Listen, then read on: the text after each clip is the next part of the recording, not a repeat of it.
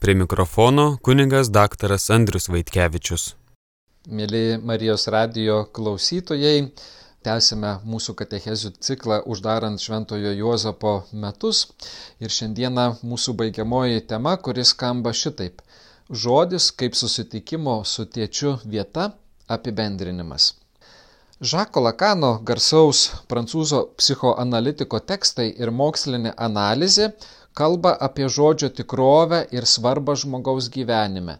Žodis kaip susitikimo su savimi pačiais ir kitu vieta, bei to esmiškai svarbiausio vaidmens įsisamoninimo proceso per žodį dalis, kurioje kaip pagrindinė veikėja įvardina tėvo status arba tėvo vardą. Žodis suvokiamas kaip tas, kuris struktūruoja, tvarko žmogiškojo gyvenimo tikrovę Kartu tai ir įrankis mūsų pasąmonės pažinimui. Žako Lakano teorijos centre ne žmogaus biologija, erosas, įvairūs kompleksai, sutrikimai ar fiziologija, tačiau gebėjimas kalbėti ir pati kalba paaiškina visas kitas dimensijas. Kalbantysis yra būdas išreikšti savo pasąmonę.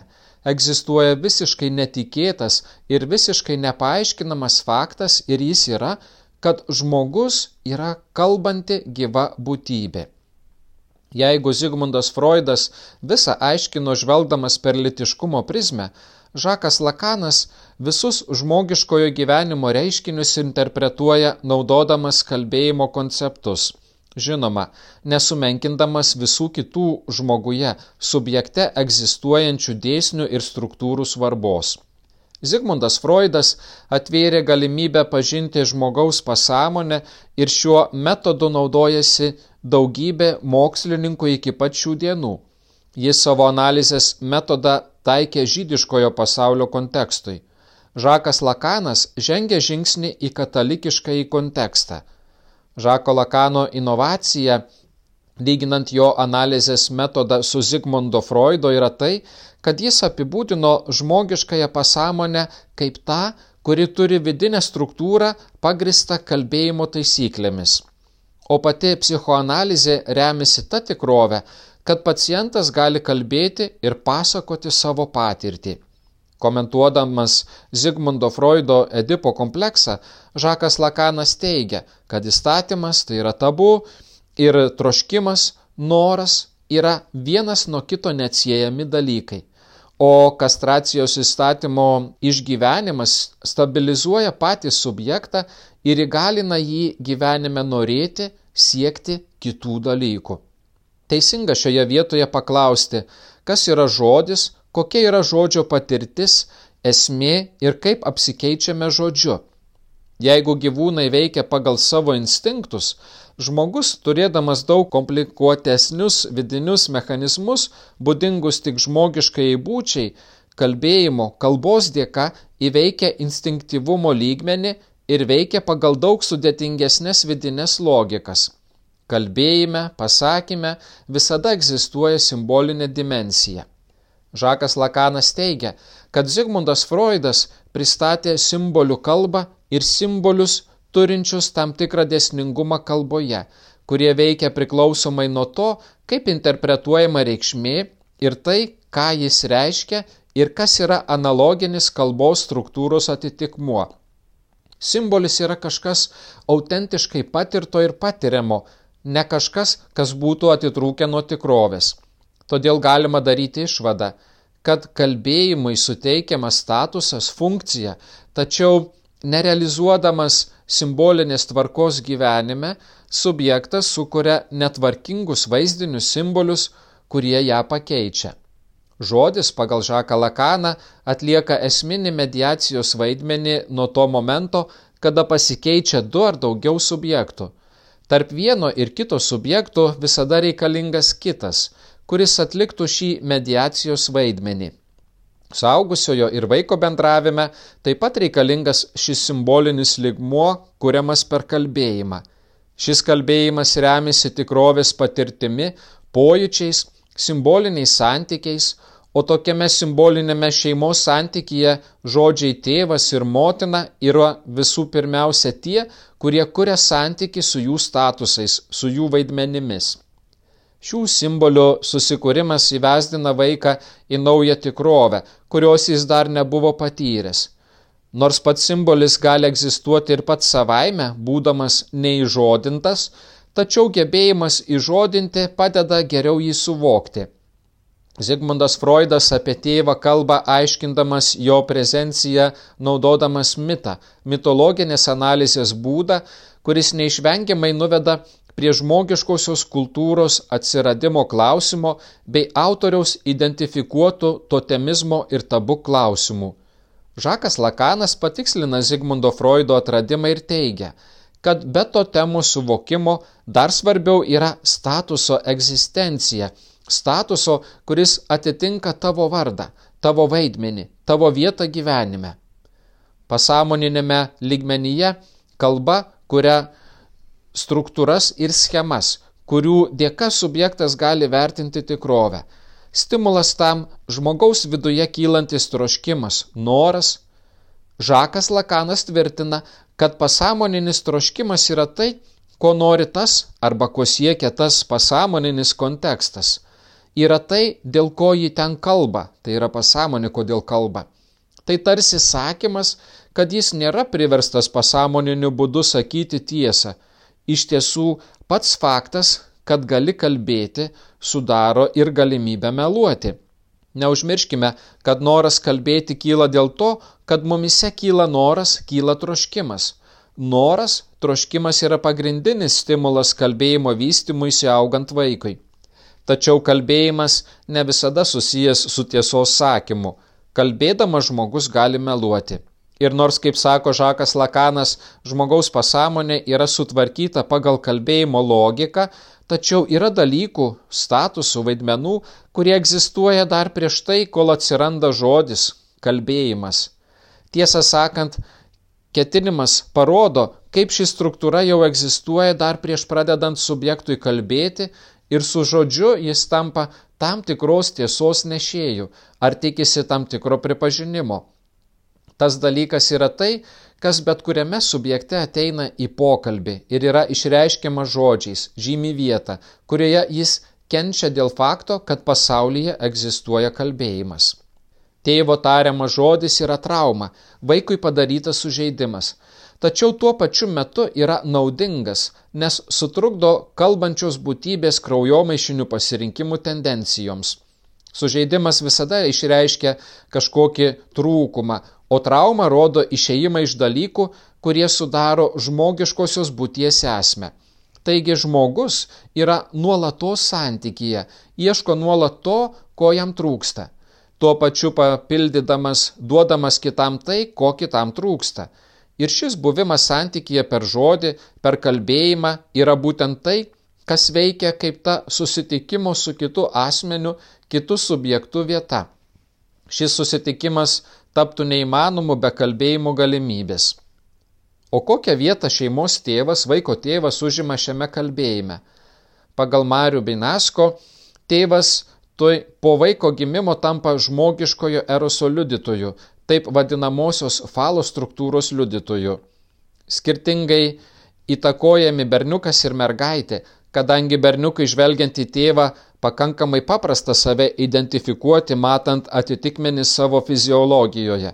Mergaitė save identifikuoja pagal tai, ko ji neturi. Kaip lygiai mergaitė save lengvai identifikuoja su motina, o žvelgdamas į motiną berniukas save identifikuoja kaip kitą. O tėvas savo buvimu pats savaime pagal savo prigimtį yra šios dvilytės tiesos apie žmogų sergėtojas – tėvo, motinos, vaiko trejybinis santykis yra palankiausia terpė šios prigimtinės tiesos apie žmogų įsisamoninimui. Su abiejų tėvų pagalba vaikas įgyja gebėjimą kalbėti, tampa kalbančiuoju ir įsisamonina santykių mechanizmus, simbolius, kuriuos kiekvienas jų atstovauja. Netgi tame vaiko raidos etape, kuriame jis nemoka kalbėti, tačiau kuriame išmokstami dėsniai veikia naujo individo pasąmonėje, įtakodami jo tolimesnius gyvenimo pasirinkimus ir elgesį. Kaip pabrėžia Frankois Dolto, prancūzų psichoanalitikė specializavusi vaikų psichoterapijos srityje, vaikas tam, kad pradėtų kalbėti, turi būti atitrauktas nuo pirminio pasitenkinimo objekto susijusio su oralinės raidos fazės aistra, krūtimi. O tai yra neįmanoma be tėvo statuso vaidmens. Marius Binasko, lakaniškosios mokyklos atstovas, tvirtina, kad žodis leidžia žmogui, tai yra subjektui, tvarkyti savo gyvenimą nuo pat pradžios.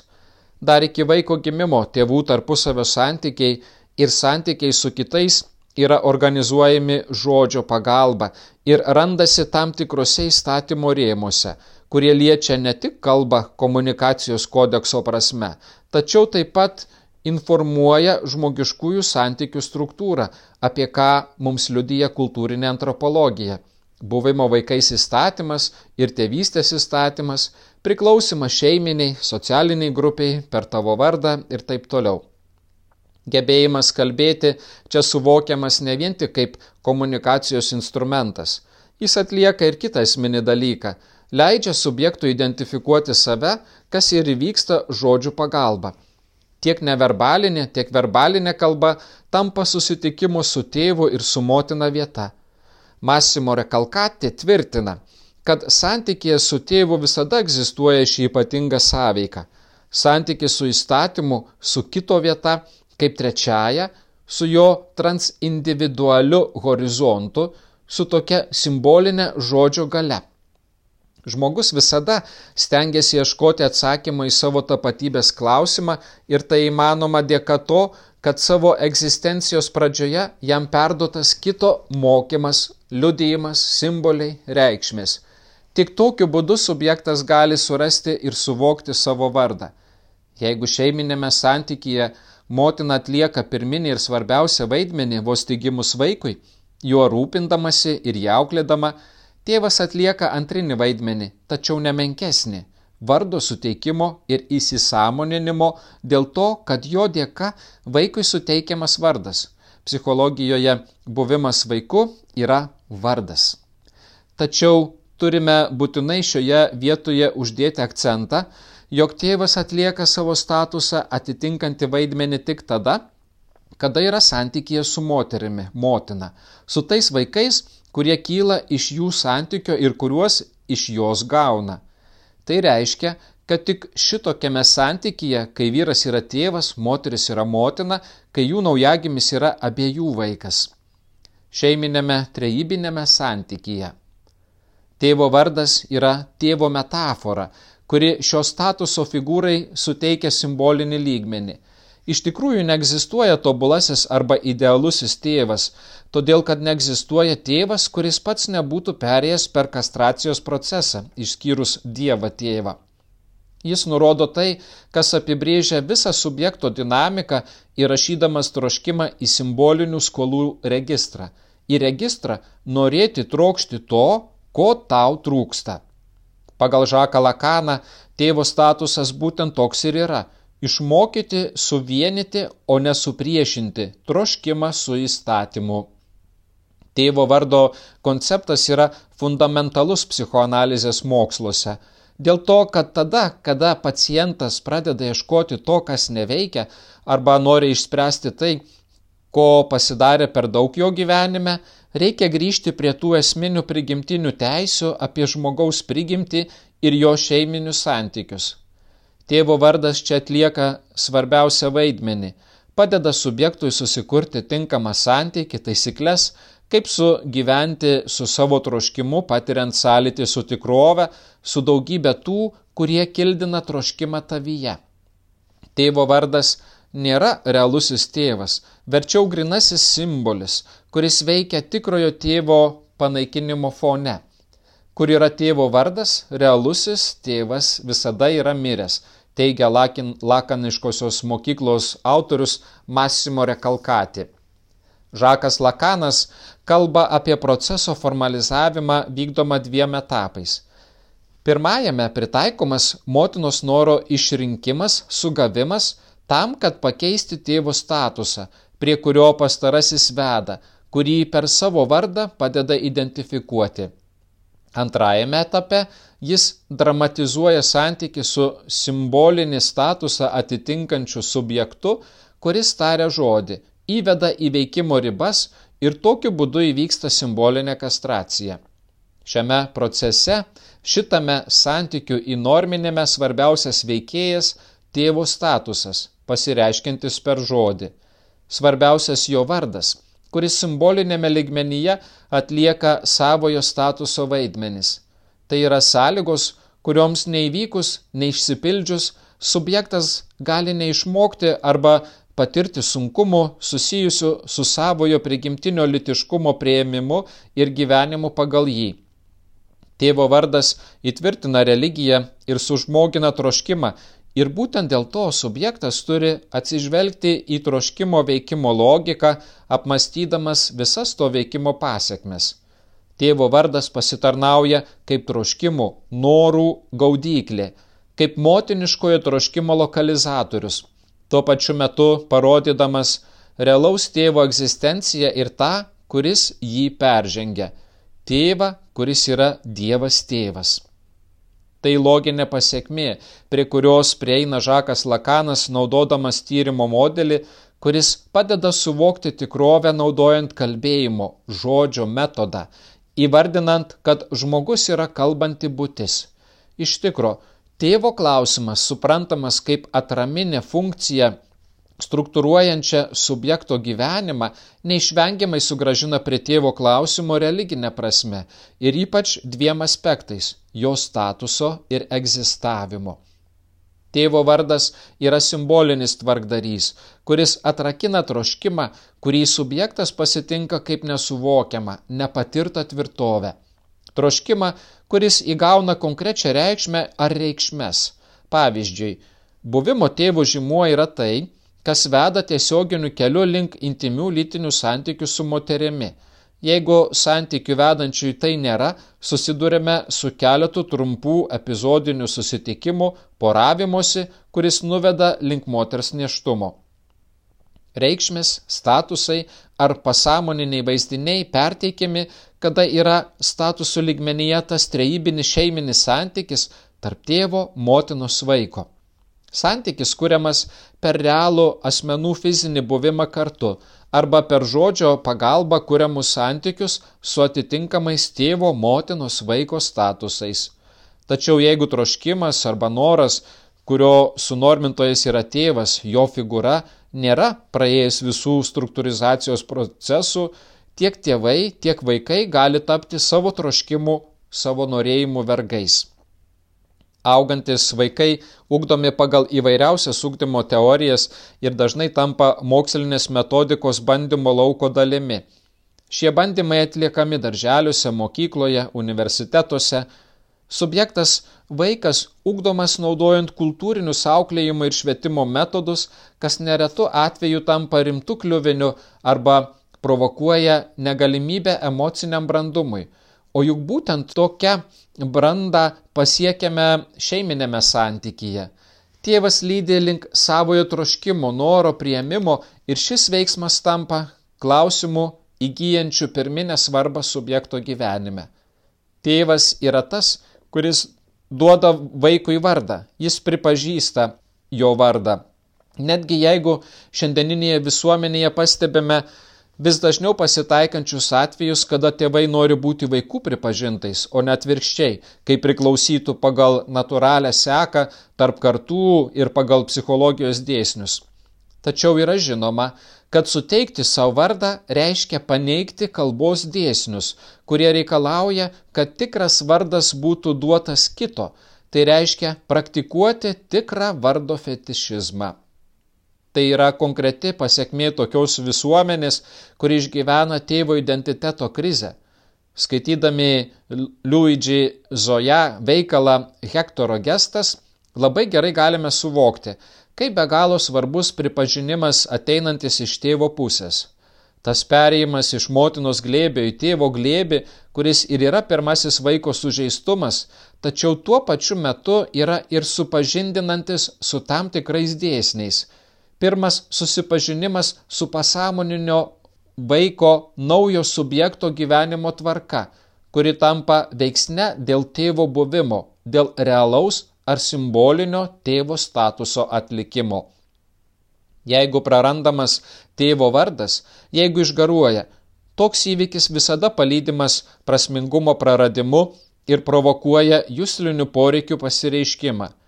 Jeigu tėvo autoritetas ar jo įstatymas patiria krizę, tada ir tokios institucijos kaip šeima, valstybė, bažnyčia negali suteikti tvarkos subjekto gyvenimui.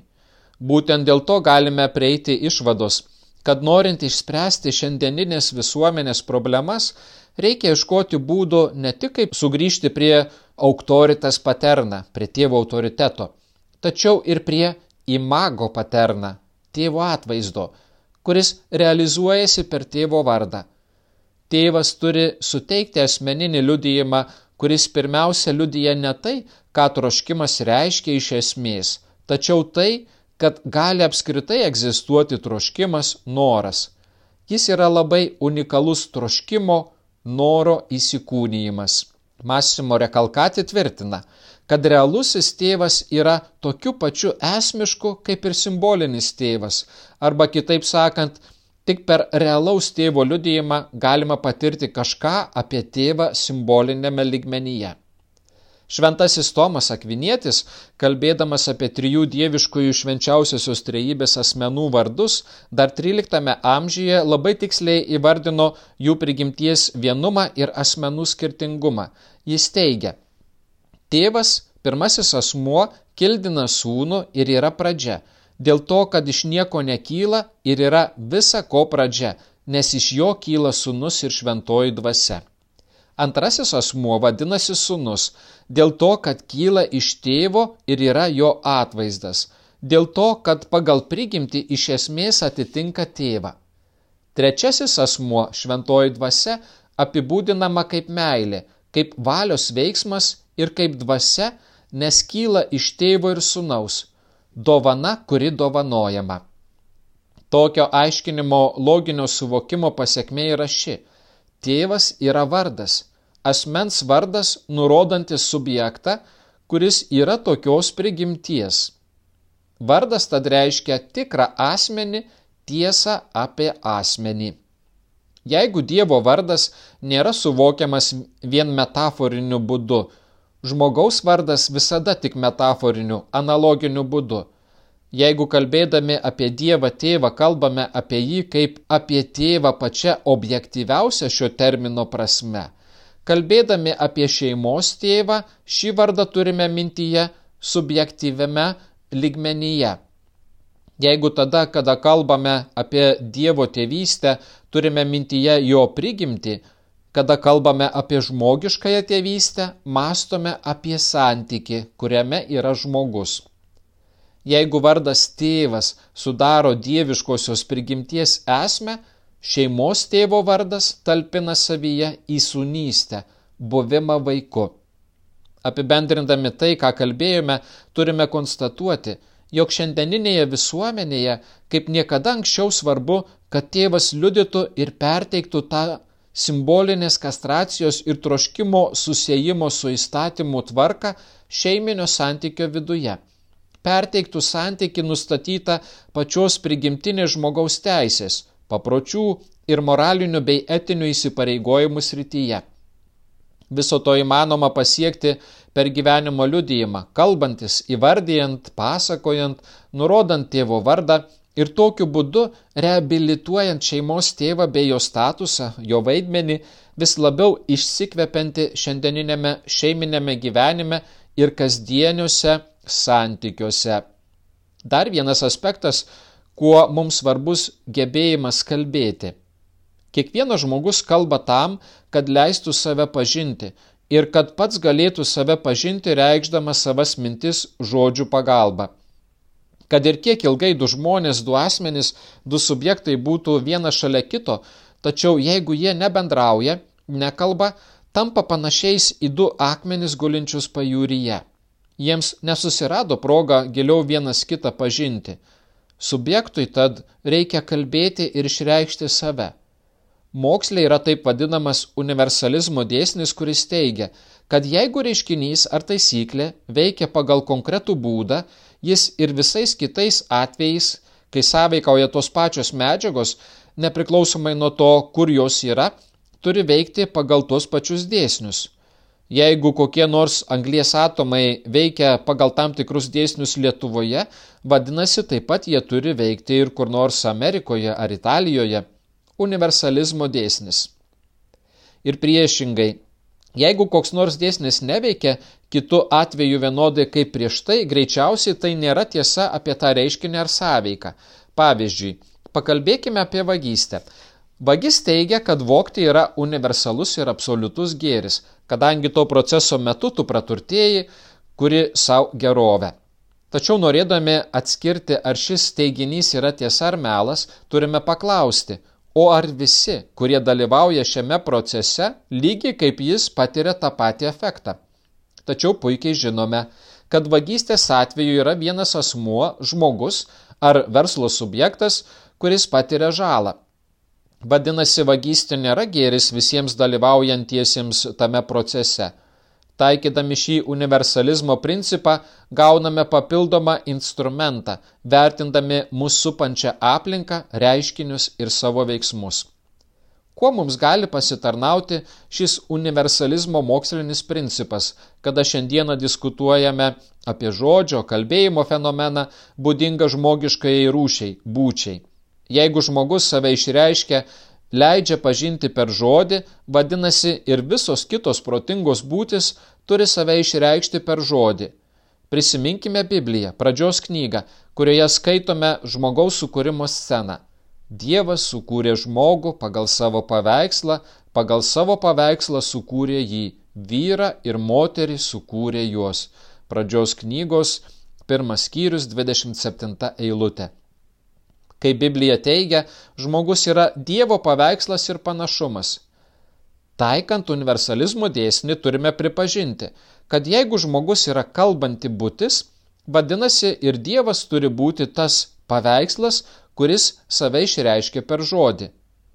Dievo žodžio titulas taikomas Jėzui Kristui, kadangi jis būdamas tikras Dievas ir tikras žmogus, kalbėjo ir kaip Biblija mums primena, aš jūs išmokiau visko, ką esu iš savo tėvo girdėjęs.